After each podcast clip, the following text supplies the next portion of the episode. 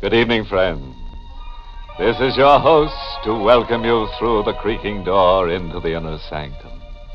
Come in and let me introduce some new guests. Now, first, here's Merwin, the mathematical murderer. Merwin says that the shortest distance between two ears is a straight cut across the throat. this geometric goon divided three victims with his knife, but to me, it just doesn't add up.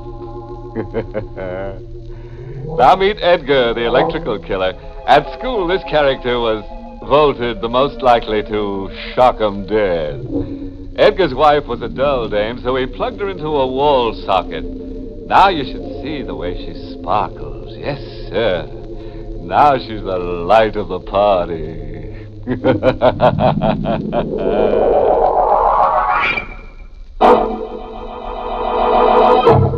Tonight's Inner Sanctum Mystery, The Unburied Dead, was written by Ed Adamson and Bob Sloan and stars Miss Leslie Woods in the role of Claire with Everett Sloan as Max. Say, folks, if you hear a blood curdling scream, it's just our pet vampire Oscar howling outside. But don't worry, you may be lucky this evening because some nights Oscar just doesn't give a hoot. Uh, well, now I'll take my spade and uncover tonight's terrible treasure. A short distance from the railroad tracks, the man and the woman stand in the rain, looking down into the grave. The woman searches her mind, diving deep into the past for the strange, unremembered events. If I could only remember. If I could only go back beyond that day on the ship. Then I would know who I am, who I really am. He stands here next to me and says I buried a man in that grave. A man I murdered. That day on the ship, that's the day I woke up and found myself in this nightmare. That day on the ship. I was on the promenade deck, resting in a steamer chair. I must have fallen asleep, and when I woke up, I had an odd, dizzy feeling. I started to get up out of my chair, and then I heard her voice for the first time. May I help you, dear? Uh, what? May I help? I've been watching. You seem to be ill. Oh, well, I was feeling a little under the weather, but I'm all right now. Are you sure? Uh, yes, yes, thank you. I'll, I'll just have my. Well, what's the trouble? Oh, my husband. He's he's gone. now, he, you he was. mustn't excite yourself. Well, he was sitting right here next to me, where you are now. You're mistaken. Oh no, there I'm not. wasn't any man sitting next to you. I've been in this chair since this morning. Mm. Well, you know that's just not true. Ralph was here. Look, you're ill. I'd better take you to the ship's doctor. No, please. But you're not well. I know what I'm saying. My husband was sitting in that chair, and I've got to find him. Your husband isn't on this boat. That's a lie. He is too. Now, why would I want to lie to Well, you? I don't know, but you're you're trying to hide something. He's disappeared, and you're trying to hide it from me. You're just upset. You don't remember. Remember? What are you talking about? You don't remember me, do you? You don't remember that my name is Mrs. Ferris. Ferris? I never saw you before in my life. You don't remember that we met on the pier, that we came aboard the ship together, Mrs. Denson. Denson? My name isn't Denson. You're mistaken. My name is Kramer. Claire Kramer. And excuse me, I've got to find my husband. He, He isn't on this boat. he is. Mrs. Denson, look at the dress you're wearing. This isn't my dress. It's black. I never wear black. Don't you remember telling me that your husband is dead?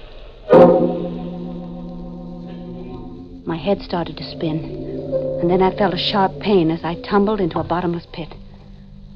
When I came to, I was lying in a bed in a room that was all white. And next to the bed, there was a table with surgical instruments on it. All right, here, drink this. Who are you? I'm the ship's physician, Dr. Ferris. Ferris. Her name was Ferris. My wife, she brought you here. You had an accident. An accident. Yes, you fainted up on deck. You're in it too, you and your wife. Let me out of here. No, first you must rest. No, no, let me out of here. I've got to find my husband, Ralph. Your husband is dead. You told my wife he died six months ago. No, I didn't. This is a trick. now, You're trying Mrs. Denson. to. My name isn't Denson, it's Kramer. What are you two trying to do to me? Why don't you let me find my husband? Please take this medicine. It will. Oh, no! Oh, no, I am not going to take it. I'm not. Now try to understand, Mrs. Denson. I only want to Oh, help. No, you don't. You're lying just like your wife did. You're trying to keep me away from Ralph, but he's on the ship someplace. I can prove it. He was with me when we came aboard in New York. It's just your. In New York. It's just your. This boat didn't sail from New York. It left Liverpool five days ago. Liverpool. Five days ago. Oh, no, that isn't true. We dock in New York tomorrow. Here. Here's your passport book. Look at it. Your passport with your name. Well, there. There, that proves it. That picture, that's not me. That's another woman. Here. Look in this mirror. You see? My face. What have you done to me? What happened to my face? Why, nothing. When you fainted up on deck, you fell and cut your chin. I had to put in a few stitches. Oh, no, no, it's my whole face. It's different. You've changed it. You've changed my whole face. I was lost. A woman with a different face. Lost in time and identity. I found out that the ship was to arrive in New York. Well, then where had I been? What had happened to me, and where was my husband, Ralph? The questions hammered against my brain until it ached. The next day, the ship docked in New York. I went straight to my house. I had no key, so I rang the bell and waited. The door was opened by a large, red faced woman, a woman I had never seen before. Yes? Who are you? What is it your business? Answer me. Tell me who you are. Why, why I'm the housekeeper. Don't lie to me. We never had a housekeeper. Now, look. What are you doing here? Who hired you? Oh, just a moment. It was Dr. Ferris and his wife. They had you come here, didn't they? I don't see why I should answer your questions. Well, you better answer them. If you don't, I'll call the police. The police? Huh. That's a good idea. Why don't you call them? I will. But first, you're going to tell me where my husband is. Your husband? Well, you must have the wrong address. Well, this is 29 Pine Street, isn't it? That's right. And Mr. Ralph Kramer lives here. yes, Mr. Kramer lives here. Oh, now they'll believe me. Now they'll see that he isn't dead. What are you talking about? Now I can prove it was all a trick to keep me away from him. Look, I don't know who you are. well, but- I'll tell you who I am. I'm Mrs. Ralph Kramer. What? That's right, Mrs. Kramer. Where's my husband? Maybe you'd better call the police after all. Hmm? The police can settle a thing like this. Settle. What are you trying to say? Just this. Mr. Kramer is being married Tuesday. What? He's being married Tuesday. Mr. Kramer doesn't have a wife yet.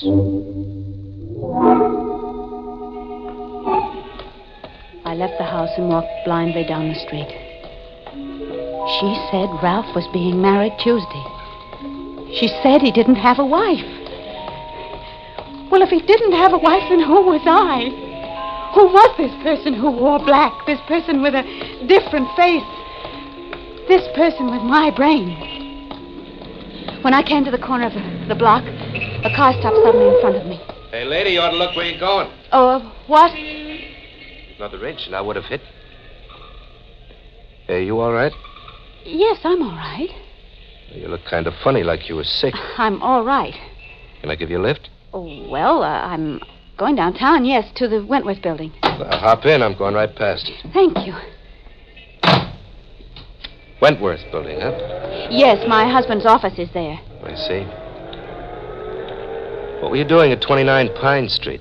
29 Pa- How did you know I was there? I was watching you.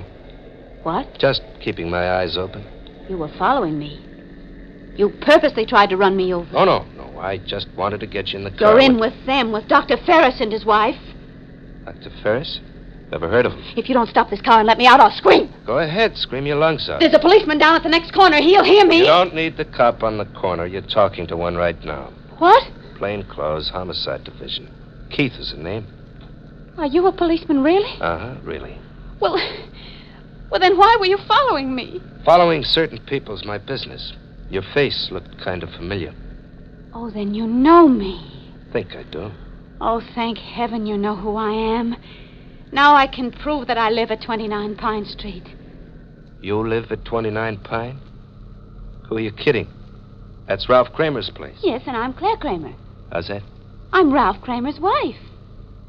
Try again, lady, and uh, this time no lying. This time I want to hear the truth. But I am telling the truth.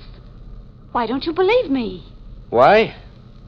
Because I happen to know where Claire Kramer is right now. I'm Claire. I saw her grave just the other day. Her grave. Mm-hmm. She's in the same cemetery as my brother. Claire's been buried there for six years. Keith was too glib. His remarks were too sure. As if he'd been hired to say them. They were all in it together, trying to frighten me, trying to keep me away from Ralph. I was almost sure Keith wasn't a detective, but I had to be positive. I had to catch him in a lie. By the time I got out to the cemetery, it was dark. I walked along the deserted path, flashing my light as I passed the gravestones.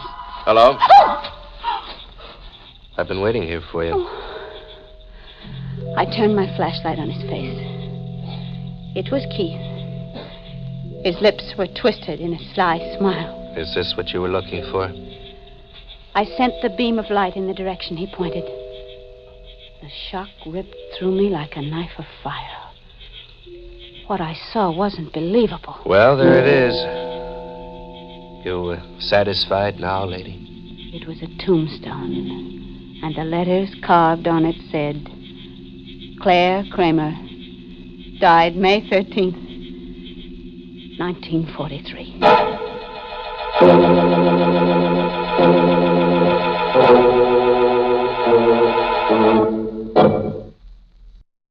That uh, Claire Kramer is kind of dumb, isn't she?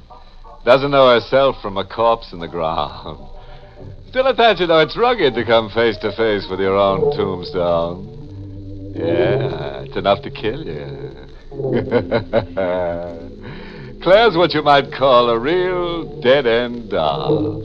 And hey, talking about her face, looks like somebody cut up her nose to spite her life. Hmm.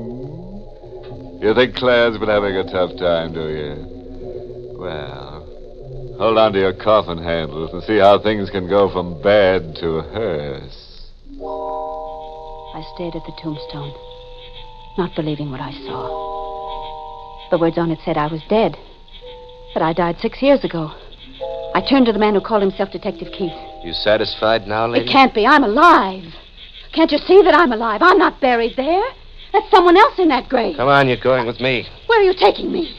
You'll find out soon enough. But what do you want with me? What have I done? Killed a man, maybe. What? Here. Look at this police circular. Found it in my car a minute after I let you go. But- I knew I saw you someplace before. Now go ahead, look at it. Wanted for murder? Mm-hmm. And the picture there is yours, or your twin sister's. That's not possible. Come on, let's go. Wait, wait, can't you understand? I'm not this woman in the circular. Pictures don't lie. I'm not her. I may look Your like her, but I'm fingerprints will not. settle it. We've got her fingerprints on the circular. Now all I have to do to check is get yours. Now let's go. Hey, wait! I wrenched myself loose from his grip. Stop! I started down the path between the graves. Stop, you fool! Stop I kept running. One of his bullets burned through my left arm with a terrible tearing pain. In a moment, Keith was standing over me. I wasn't smart. The next shot, and I would have killed you. Now come on, get up. The flashlight was still in my right hand. When he bent over to pull me up, I pounded it against the side of the head. He tumbled sideways to the ground unconscious. Then I got up and ran. I ran as fast as I could.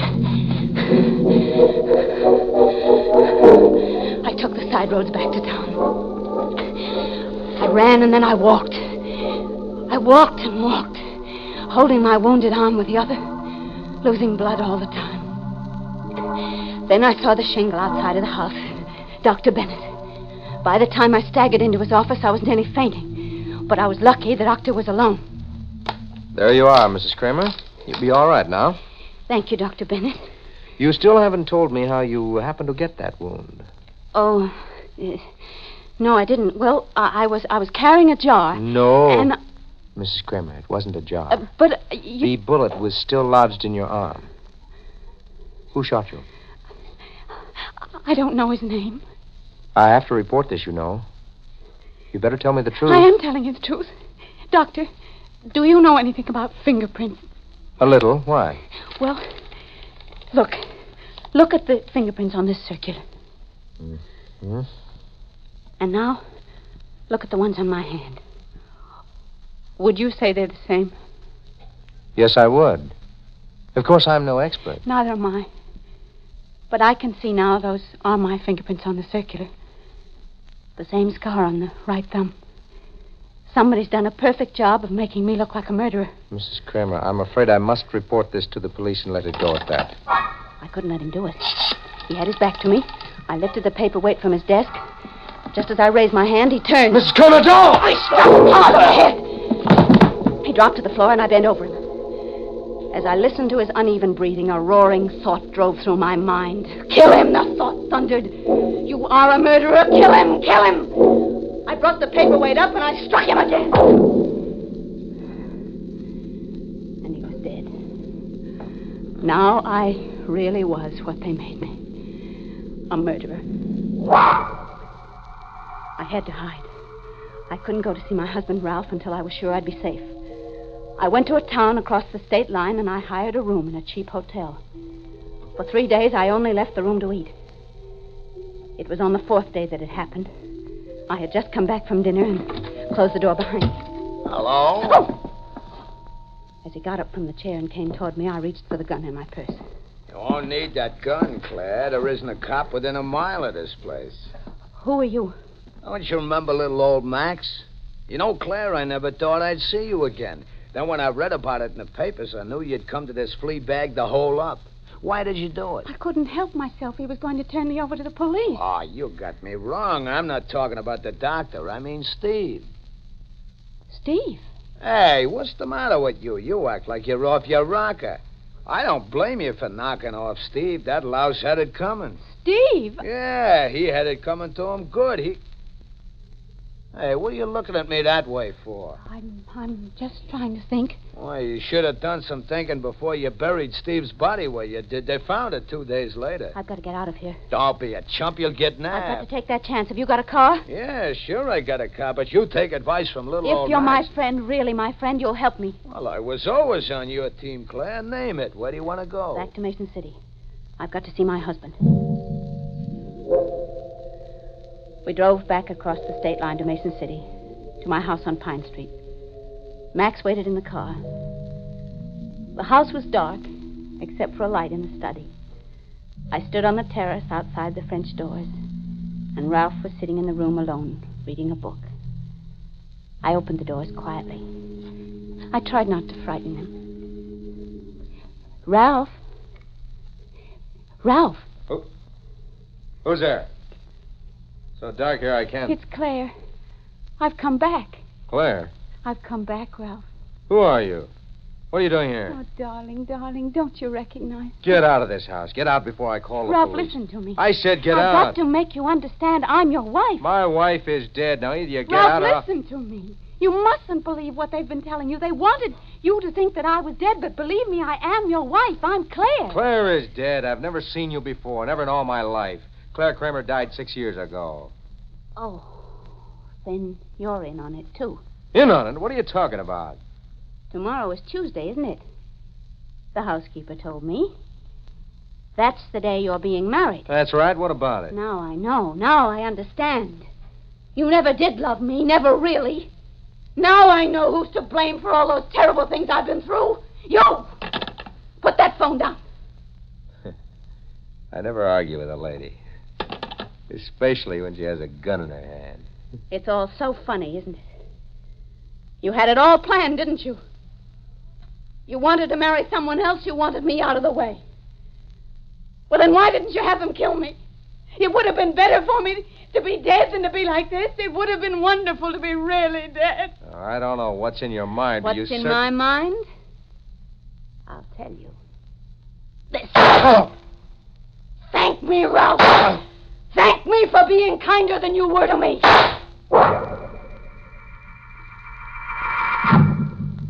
Max came into the house when he heard the shots. I had him carry the body to the car. As we headed out of town, a heavy rain started to fall. I had no destination in mind, but an unseen force seemed to control my hand on the wheel. It guided me around one turn after another until at last we came to a deserted stretch along a railroad track. I stopped the car and got out. Then I took the jack handle from the trunk and started to dig up the soft dirt. Hey, Claire, what do you think you're doing? There's no time for questions. Help me. I'm going to bury the body here. Are you nuts? We've got to hide his body, Matt. What's not here? Don't you remember this place? Don't it look familiar to you? For me? Yes, I. I think it does, but I can't quite remember. Well, Oh, if you don't remember this place, you really blew your top. Oh, Will you stop talking like that and tell me what's wrong with this place? Why can't I bury him here? Because if you remembered, you'd know it was the same place you buried Steve. If I could only remember. If I could only go back beyond that day on the ship, then I would know who I am, who I really am. He stands there next to me and says, I buried a man in that grave. A man I murdered. Oh, if I could only remember. Come on, Claire, we gotta get out of here. Max, you've got to tell me about Steve. Why did I kill Steve? You killed Steve just the way you knocked off that other guy tonight. Maybe he had it coming to him, too. That's your business. But you didn't tell me why I killed Steve. Steve Denson was your husband. Oh, Max. When was the first time you saw me? The first time? Oh, let's see. Uh, five years ago. And I, uh, I looked as I look now. Sure. You told me you just had a plastic done because your face was burned. Only between you and me, little old Max didn't fall for your gag about the burn. Burned. Burned. That was true. My face was burned. Okay, so it was burned. Burned, yes. Now I remember. The boat was one day out of New York. Ralph and I were up on the deck when the fire broke out. I lost him, and then something struck my head. I remember the name of the boat, too, the Trigania. Hey, that's that ship that was sunk away back. Yes. Yes, away back, Max. Six years ago. Well, then somebody must have picked you out of the water. The water. There were charred bodies in that water, charred beyond recognition. They listed me as one of the dead. Oh, I guess you had what they call that amnesia business, huh? That day I woke up from that nap in the deck chair. That's the day I stopped being Claire Denson and became Claire Kramer again. I was a murderess, and I never knew it. Ralph thought I was dead. He really thought so, and I killed him. Hey, Claire, the cops. Come on, we gotta get out of here. I've already gotten out, Max. I'm dead. Dead and buried. Oh, stop talking that crazy talk. Come on, before it's too late. It's already six years too late, Max. Hey, you can't skip the cops by going over the tracks. Come on back, Claire, and get in the car. Claire, you can't make it that way. The train! Look out!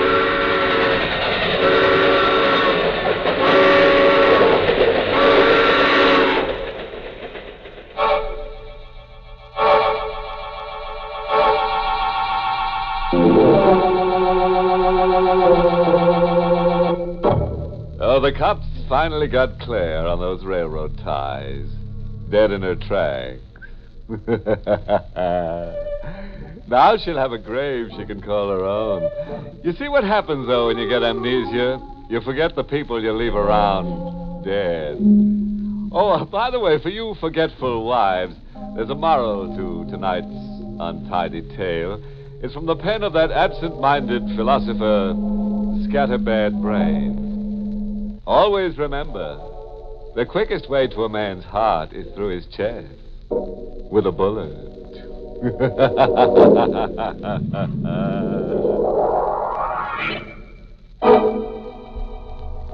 Inner Sanctum was heard in the United States over CBS, the Columbia Broadcasting System, and has been rebroadcast for servicemen and women overseas through the facilities of the United States Armed Forces Radio Service, the voice of information and education.